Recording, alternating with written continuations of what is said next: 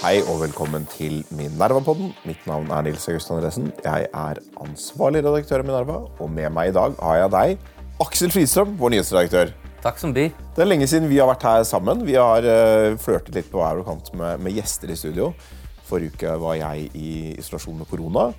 Du har ennå ikke hatt korona. Det begynner nesten å bli litt flaut. Ja, kan jeg ha hatt det av at jeg har sånn superimmunitet. Kanskje.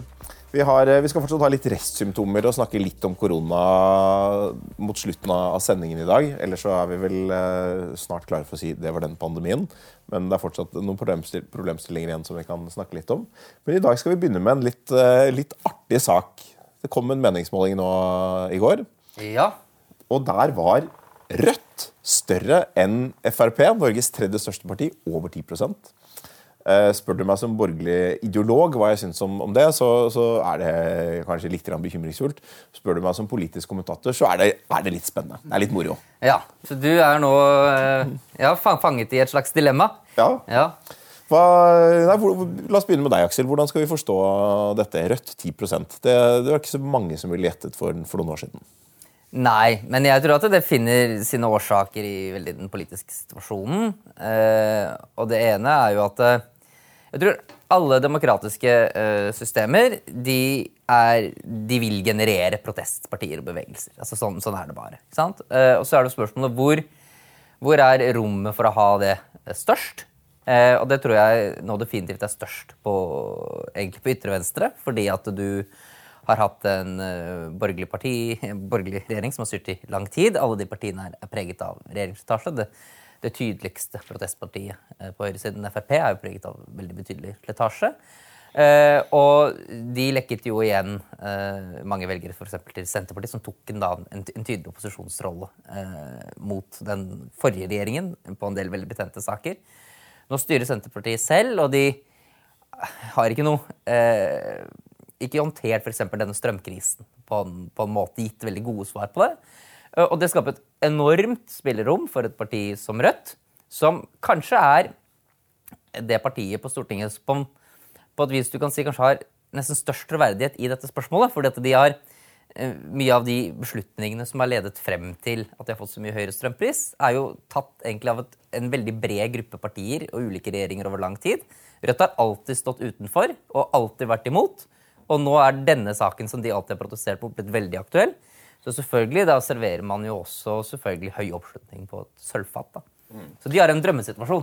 De har en drømmesituasjon. Altså, det, det, er jo interessant, fordi det, det er jo ikke noen stor uh, forflytning mot venstre på, på tvers av blokkgrensene. Uh, snarere tvert imot. Borgerlig side har jo styrket seg ganske betydelig siden det helt katastrofale valgresultatet i fjor høst. Rød side er fortsatt størst, men, men forspranget har minsket.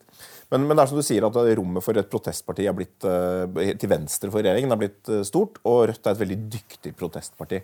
Men jeg tenker at det, det, ligger noe annet litt interessant under her også. For det er jo mange på, på borgerlig side som måtte fordømme Rødt for å ha pga.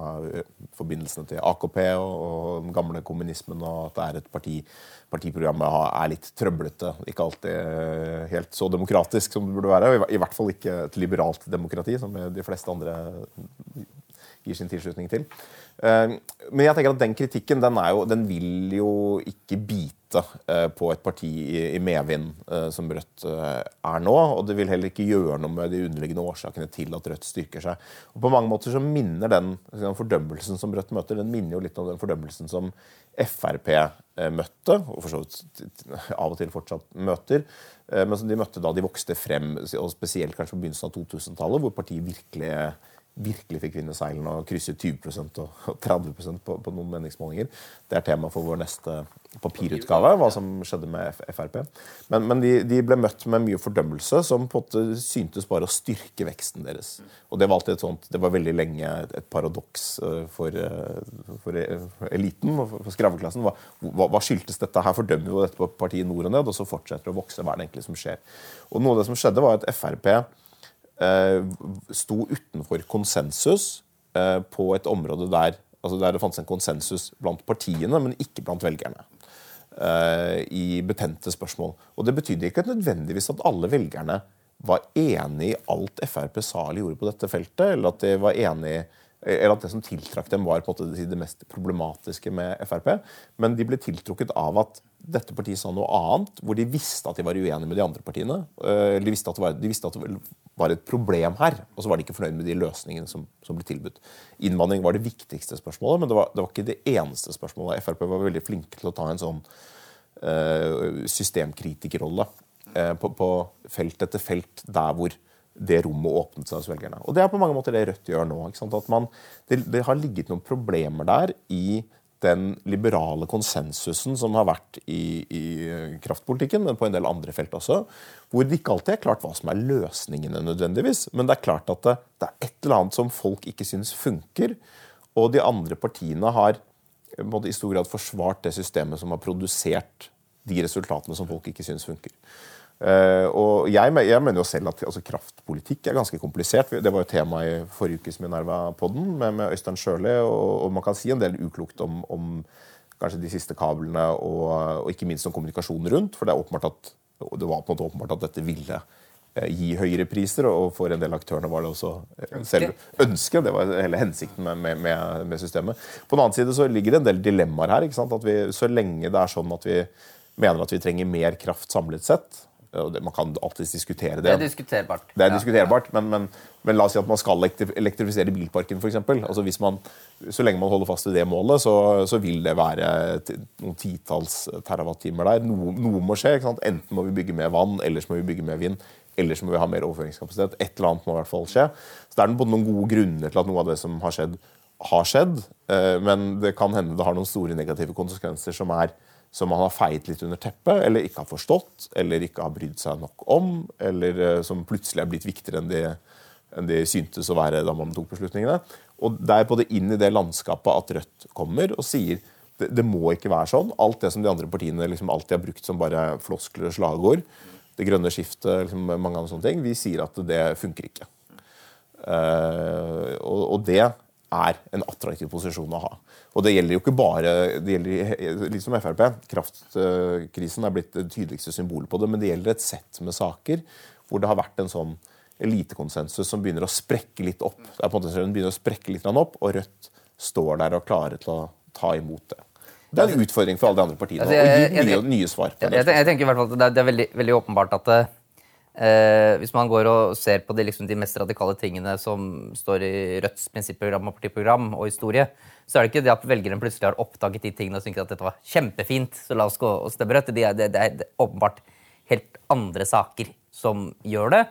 Og hvis man si, ønsker å motvirke at Rødt vokser, så må du adressere de sakene som gjør at de vokser, ikke disse, disse gamle sakene. Så kan det godt være at man kan være hensiktsmessig å kritisere dem for disse, ting, disse tingene likevel. altså disse gamle kommunistiske kjepphestene i programmene, men, men, ikke under den illusjonen at det påvirker partiets oppslutning, for det tror jeg ikke det vil gjøre. Nei, men eh, for å bare si til eh, dette med strøm, så er det jo eh, en, en, egen dynamikk som jeg tror uh, skapes i en sånn symbiose mellom byråkratiet og, og politikerne. Uh, fordi uh, ofte, i hvert fall min oppfatning da jeg jobbet med politikk, var at byråkratiet de var ganske lav forståelse for, og brydde seg kanskje heller ikke så veldig mye om, det som du kan omtale som politisk risiko. Ikke sant? Altså Hvis du f.eks. får et eller annet eh, utredning fra eh, f.eks. Samferdselsetaten i Oslo, da, hvor de skal drive og lage store investeringsprosjekter, og sånn, så spør man liksom Ja, men hva skjer hvis liksom, disse beregningene er feil? Ja, men Det er ikke noe problem, for da går bare bompengene opp. Ikke sant? Og Det er jo sant at det er ikke så stort problem for de som sitter og lager de regnestykkene. Det er potensielt en tidsinnstilt bombe ikke sant? for politikerne. Og Det samme er også tilfellet med, med, strøm. ikke sant? Altså, ja, vi lager noen kabler her og sånn, så tror vi strømmen bare blir liksom bitte lite grann dyrere. Ja, hva er konsekvensen hvis det blir veldig mye dyrere? Ja, men da blir jo bare alle kraftmerkene enda mer verdt. Mm. Men for, som er statskontrollerte, men for de politiske partiene så blir det et kjempeproblem. Eh, og i Norge så er jo det som har skjedd, at eh, alle politiske partier nesten, utenom Rødt, har liksom lent seg delvis på disse rådene og vært med på disse avgjørelsene. Og så viser det seg at forutsetningene altså Effekten med høyere strømpris er mye sterkere enn forutsatt i utredningene. da. Og da står Rødt igjen som det eneste partiet som har, liksom har avfeid alt. Og det er jo selvfølgelig en kjempefordel. Jeg tror nok at Du har en del andre områder som også bidrar til, eh, til Rødts vekst her, som er litt vagere. Jeg, jeg skal ikke være for bastant på det, men, men du har liksom alle disse, alle disse spørsmålene om New Public Management, helseforetak, eh, omorganiseringen av liksom, Jernbaneverket, alle denne type ting, som andre partier har kritisert på, på sitt vis, men som alle sammen har vært med på å vedta, eller administrere i hvert fall. Eh, hvor man nå liksom har folk, den uroen som folk har hatt overfor en del av disse tingene, begynner å nå få et tydeligere utløp. Jeg tror det, det er den type ting som er med på å senke terskelen for å stemme Rødt. Og så er det jo det, det er litt som Frp. Det betyr jo ikke at Rødt nødvendigvis har veldig gode svar. altså bare sånn En enkel ting som, som helseøkonomi. En enkel ting som helseøkonomi, og Det er et ekstremt komplisert felt. Eh, Vi har jo hatt en papirutgave om det også, New Public Management, hvor vi skriver litt om hvorfor var det dette systemet kom til, hva var det det forsøkte å, å løse, hvilke problemer var det det oppsto med bakgrunn i. Eh, Så det å liksom avvise det ekspertveldet som har ført oss til den situasjonen vi har nå, det er ikke noen eh, det, er, ikke noe, det peker ikke i noen klar retning fremover. Og vi må også huske på, det, det, har vi pleid å det, det Inntil ganske nylig så var jo de fleste nordmenn eh, fornøyd med at vårt system hadde frembrakt stort sett veldig gode resultater. Verdens beste land, verdens rikeste land, alle disse tingene.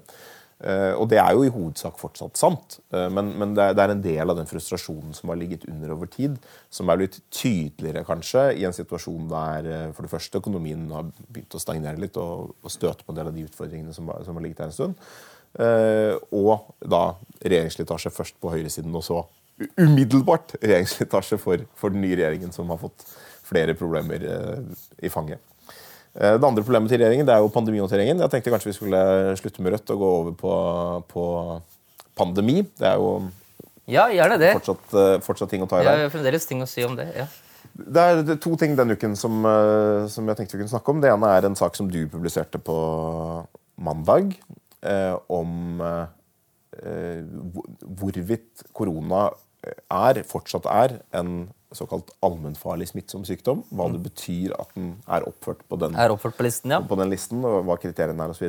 Og, da- og jeg tenkte å koble det litt sammen med en sak som kom i dag i, i Aftenposten, men som, eh, som er, har vært varslet en stund. og det er at Regjeringen har eh, planlagt eh, sånn tiltakspakker for fremtiden som de kan iverksette liksom gitt, gitt visse parametere. Og de har da fått eh, bedt om, eh, om råd eller utkast, eh, skisser til dette fra Folkehelseinstituttet, som de da har fått eh, i dag. Hvor det er da fem nivåer med tiltak. Med noen litt sånn vage kriterier knyttet til seg. Liksom hvis det er press på sykehusene, så mye press, så går vi på tiltaksnivå tre. Og da, da blir det antallsbegrensninger slik og slik. Og nivå fem, da er det liksom det er full, full lockdown. Um, og det er, eh, det er interessant. Eh, Det har både plusser og minuser. Jeg har en del syn på det, men jeg tenkte kanskje å begynne å høre med deg. Hva, hva tenker du om dette? Ja, jeg kan si det som jeg syns er bra først. Fordi jeg tenker det er eh, Når man har vært gjennom eh, to år med, med pandemi, så har man jo mer kunnskap og kanskje om hvor, hvordan ulike tiltak slår ut. og den type ting, og det er bra at man systematiserer den eh, kunnskapen på et vis, og et lager Ikke bare iverksetter tiltak helt sånn ad hoc. Ja, altså Det finnes en eller annen plan eller idé om hva som skal skje. ikke sant? Så det syns jeg er fornuftig.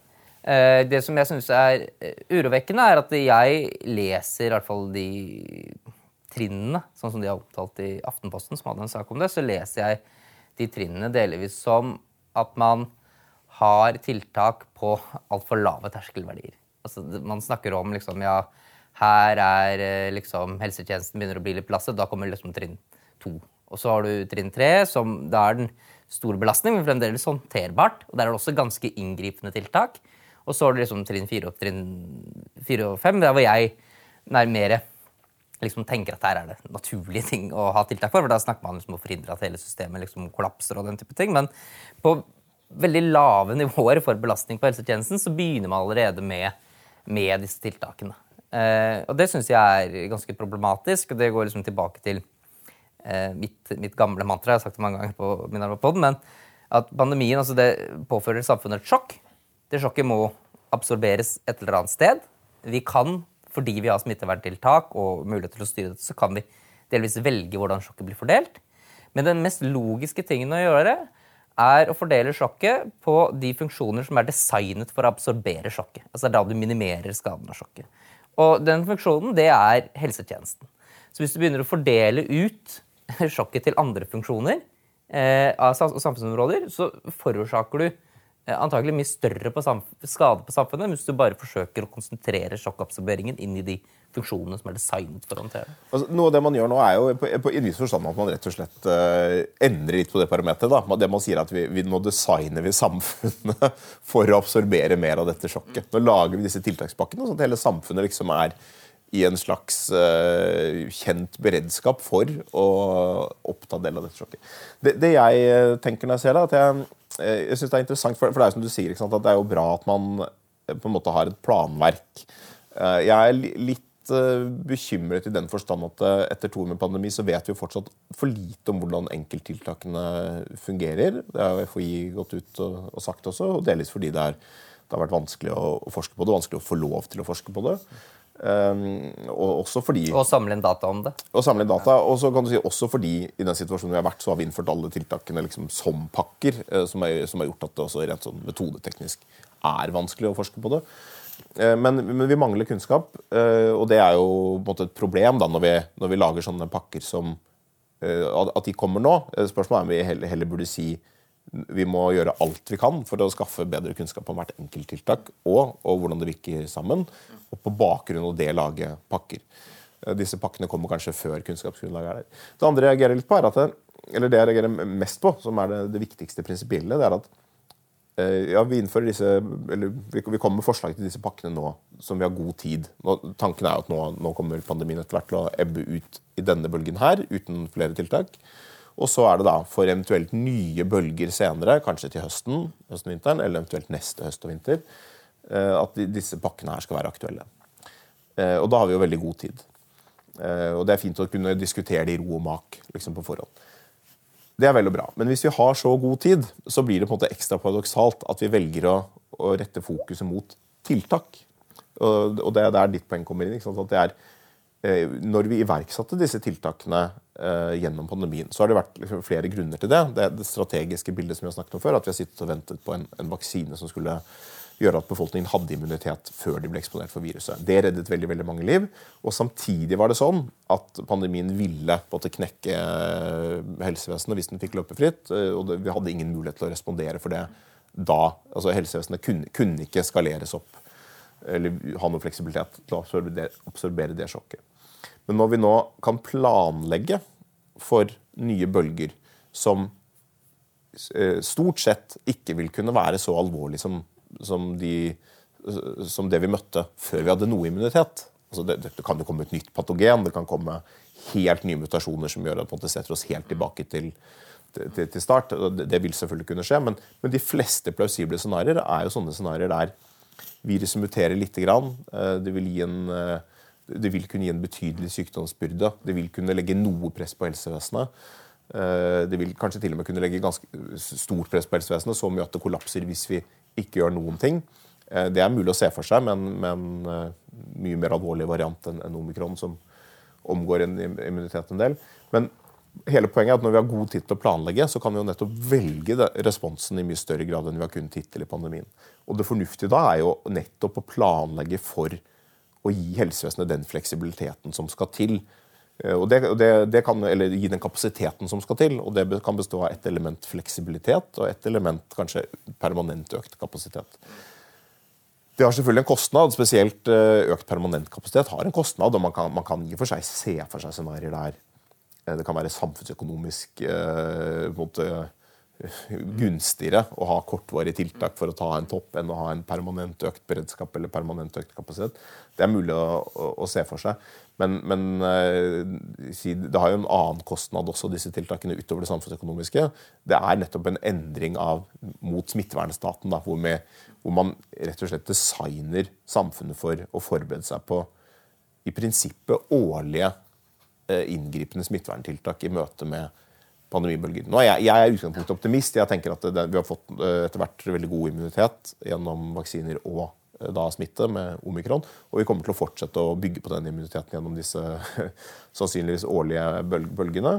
Sannsynligvis så vil det være veldig sjelden at vi får eh, situasjoner som, som, er veldig dramatiske for helsevesenet. Men så er det jo sånn som jeg snakket om før, at helsevesenet opererer jo stort sett nær kapasitetsgrensen.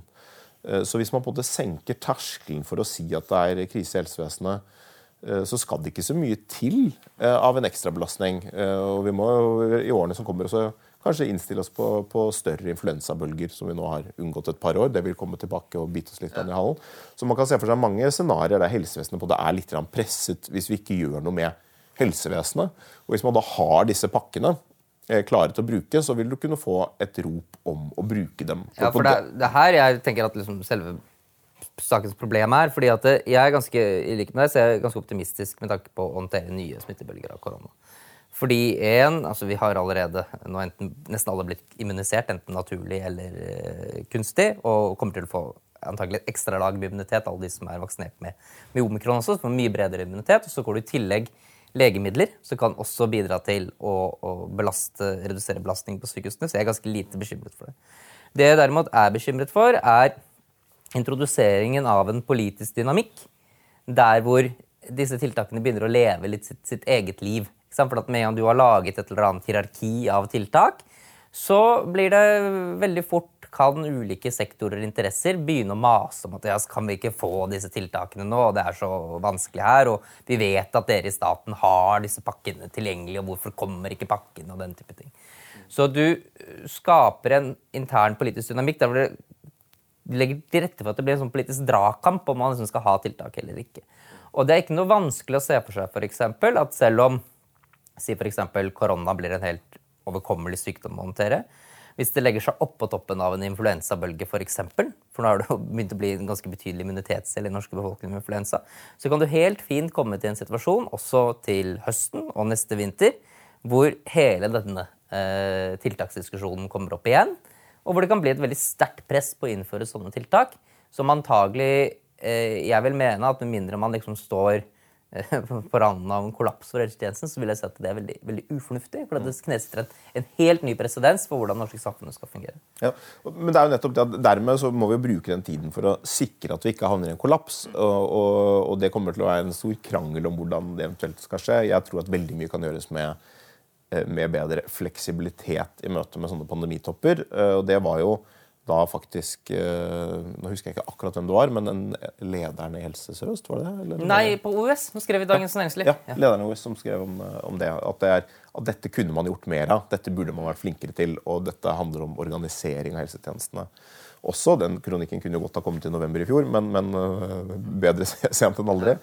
Uh, så jeg, jeg, det, er, det, er, jo litt at Man velger å fokusere på tiltak snarere enn på hva skulle til for å tilpasse helsevesenet til de mulige scenarioene som vi ser for oss de neste årene, det er på en måte et uh, ganske betydelig det, det, det, det fremheves jo også i Holden-utvalgets uh, siste utredning. Altså der, der, står det jo et par ting som jeg syns er veldig interessant.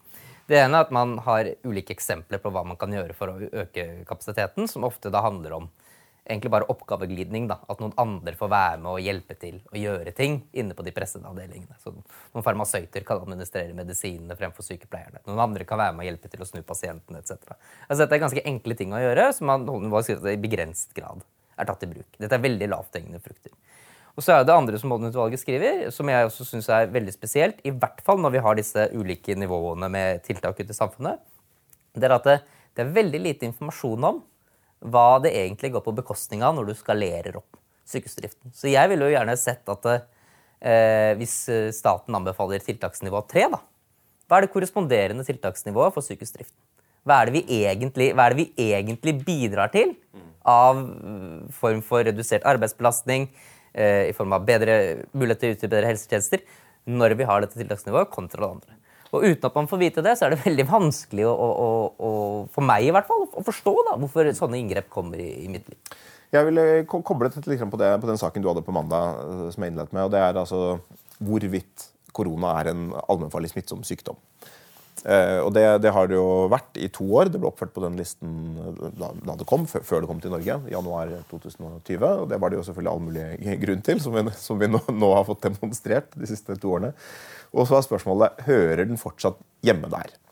Og, og, Man kan diskutere det frem og tilbake. Jeg tror sånn For den enkelte så er nå risikoen for alvorlig sykdom sammenlignbar med influensa, som ikke står Ja, mindre, mindre enn influensa. Ja, for, den, for den enkelte som, som har- som har immunitet, får, får vi legge til, og, og med omikron.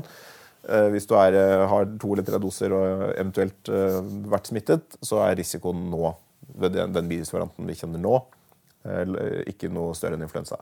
Og influensa har også den egenskapen at den muterer og, og kan komme med alvorlige varianter som kan gi pandemier. Absolutt. Så, så, så, så det skiller det ikke prinsipielt fra influensa. Influensa står jo ikke der.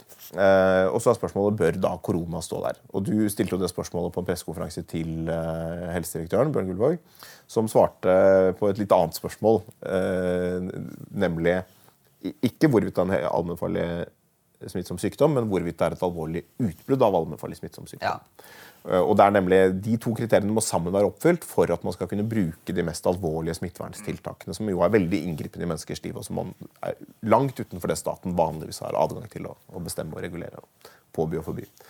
Eh, og det jeg er litt redd for er med, med disse tiltakene, er at hvis det står på denne listen over allmennfarlig smittsomme sykdommer, eh, så er det på en måte å konstatere at det foreligger et alvorlig utbrudd. Eh, det kan jo fort skje. Ja, og det, og det, det er veldig Det er veldig det er, er, Du trenger ikke vise til så veldig mye annet. Altså, Lovteksten sier bare at hvis det er behov for tiltak, så er det alvorlig utbrudd. Så er, Ja. Lovteksten er litt sirkulær på et vis. Det er sirkulært, og, og selv om det sikkert på et punkt kunne vært prøvd eh, en, en rettssal, så vil det være sånn hvis du har en eh, variant som unngår immunsystemet i noen grad og gir noe sykdomsbyrde, så vil det jo fort kunne være sånn at det i og for seg er masse mennesker som smittes hver dag, og det øker raskt. Og da kan man jo bare si eh, her er det et alvorlig utbrudd. La oss iverksette tiltakspakke tre med, med begrunnelse der. Mens hvis det hadde vært fjernet fra listen over i smittsomme sykdommer, i den forstand at vi ikke mener at dette viruset i seg selv eh, normalt vil kunne være samfunnskritisk, eh, så ville det i hvert, fall, i hvert fall være noe større barriere før man kunne ta i bruk denne type tiltak. Altså, det er jo ikke noe, Ja, det det ikke noe, større, det er ikke noe større barriere enn at man gjennomfører det på listen, men, men det ville være en litt annen politisk dynamikk. Da. At man må argumentere for det, og at man måte minner seg selv om at denne type tiltak er ikke normale. Det er ikke vår normale håndtering av eh, av luftveisvirus, eh, sesongvirus. For det, har vi jo på en måte, det er vi vant til at fins. Vi er vant til at sykdommer gir sykdomsbyrde, at de gir press på helsevesenet. Eh, Og vi er vant til at vi håndterer det på andre måter enn inngripende smitteverntiltak. Og så kan det hende man skal tenke litt, litt nytt eh, fremover. At vi eh, blir flinkere til å tenke smittevern på andre måter enn inngripende tiltak. Eh, Det kan jo også hende. ikke sant? At det, er, eh, det kan være en måte å, å si, navigere på eh, når man skal prøve å unngå topper som, eh, som, som belaster helsevesenet for mye. Men, men det å senke den terskelen for inngripende tiltak, det er, det er noe det vi har vært redde for nå siden i, i høst, eh, du og jeg, Aksel, på, på, på, podkasten her. At vi har vent oss sånn til disse tiltakene, at de begynner å normaliseres, og at vi ikke for mange glemmer hvor inngripende de er, og hvor og da kan man jo si ja, for, for en del mennesker er det ikke så alvorlig. ikke sant? For en del mennesker så er det ikke så fryktelig farlig om det blir innført påbudt hjemmekontor, og, og det eh, må være matservering til ølen, og det må være bordservering og sånn. For, for I en viss livssituasjon mange livsfaser, hvor mange beslutningstagere er, så er ikke det så veldig dramatisk. Men det er et veldig annet samfunn, og for veldig mange andre mennesker så er det veldig alvorlig. Og, og reduserer livskvaliteten veldig mye. Ja, det, det gjør det, og særlig for meg, for jeg blir veldig sur så jeg ikke får øl til, til maten.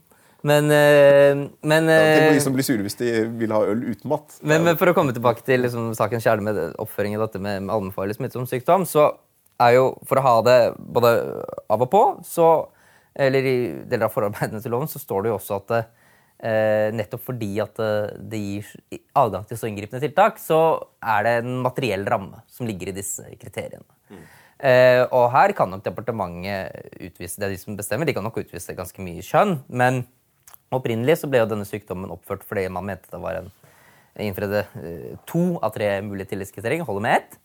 Eh, men det er tillitskriteriet B, vesentlig belastning på folkehelsen, og tillitskriteriet C, at det er umulig å forebygge eller helbredende behandling.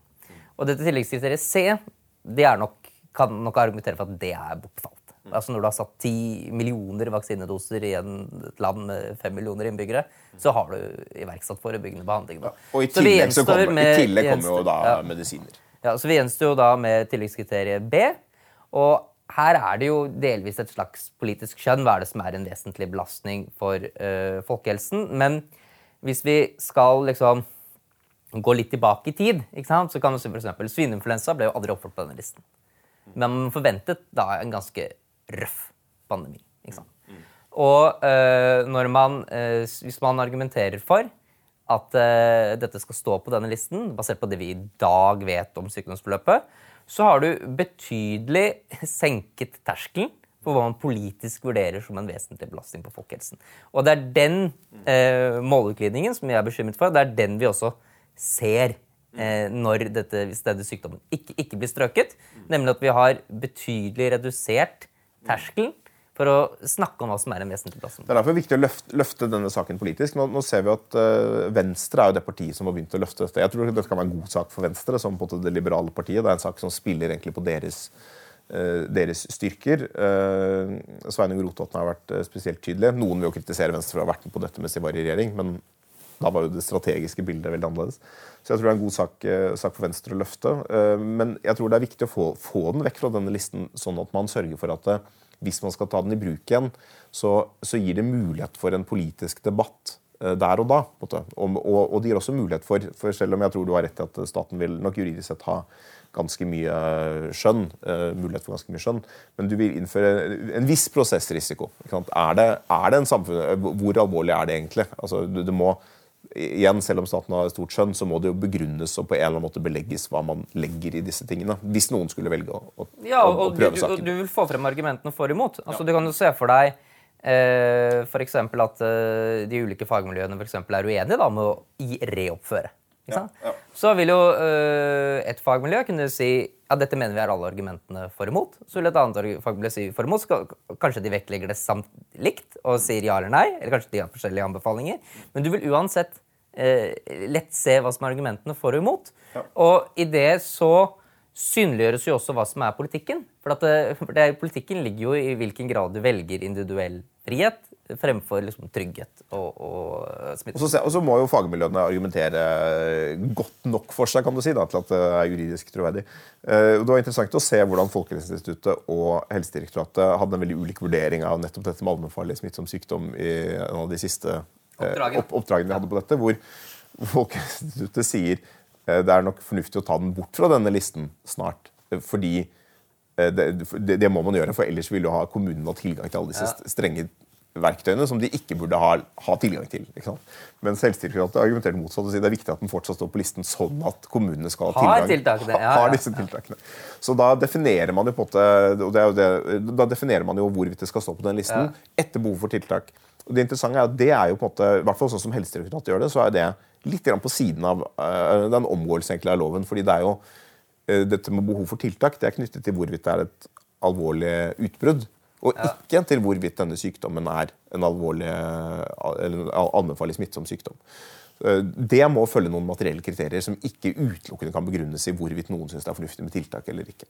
Nei, Men det er jo greit at de, de må, må få lov til å skrive hva fordelen ved å ha adgangen ja, er òg. Det må de få, ja, de få lov til. hva de For det er en del av beslutningsgrunnlaget. Men det som jeg også synes er morsomt med denne eh, eh, disputten, eller den, denne ulike omtalelsen av denne oppføringen da, i disse dokumentene, at FHI de ordlegger seg jo også uh, veldig snedig. For at de skriver uh, fremtidige ting vi kan vurdere omtrent, er snart bør uh, strykes av listen. Og det er også litt rart, fordi at det, det de da sier, at ikke i dag, men kanskje snart, som er en måned. Og da må man spørre, Hva er det vi egentlig forventer at skal skje i denne tidsperioden fra i dag til en måned, som gjør at denne sykdommen endrer karakter på en måte som gjør at den slutter å innfri de kriteriene? Det er litt vanskelig å se for seg. ikke sant? Kunne si så, flere blir smittet med omikron og får ja, for enda eksempel, bedre de, de, de kunne, men altså, Det kunne vært uh, interessant å bore litt mer i, men sånn som det er skrevet hos dem nå, så øh, løfter man tanken, men man sier ikke til regjeringen at de må ta den av. altså, de, de, de, har skrevet på en måte som er litt sånn prøveballong Jeg tror nok det, tror nok det de vil si, uh, det Camilla Stoltenberg sikkert ville si, og, og, som sikkert regjeringen ville være enig i, er at inntil du er smittet av omikron, Aksel, så, så er det fortsatt en allmennfarlig smittsom sykdom. Ja. Når du har fått bedre immunitet, da tror jeg vi kan senke skuldrene. Så det må være Hvis jeg overlever, da går det for alle. Selv de som drikker øl til maten. Ja. Jeg, jeg, tror målet må være at du også må få deg denne omikron-saken, altså, så vi kan bli ferdig med pandemien. Vi er i hvert fall ferdig med Minerva-podden for i dag.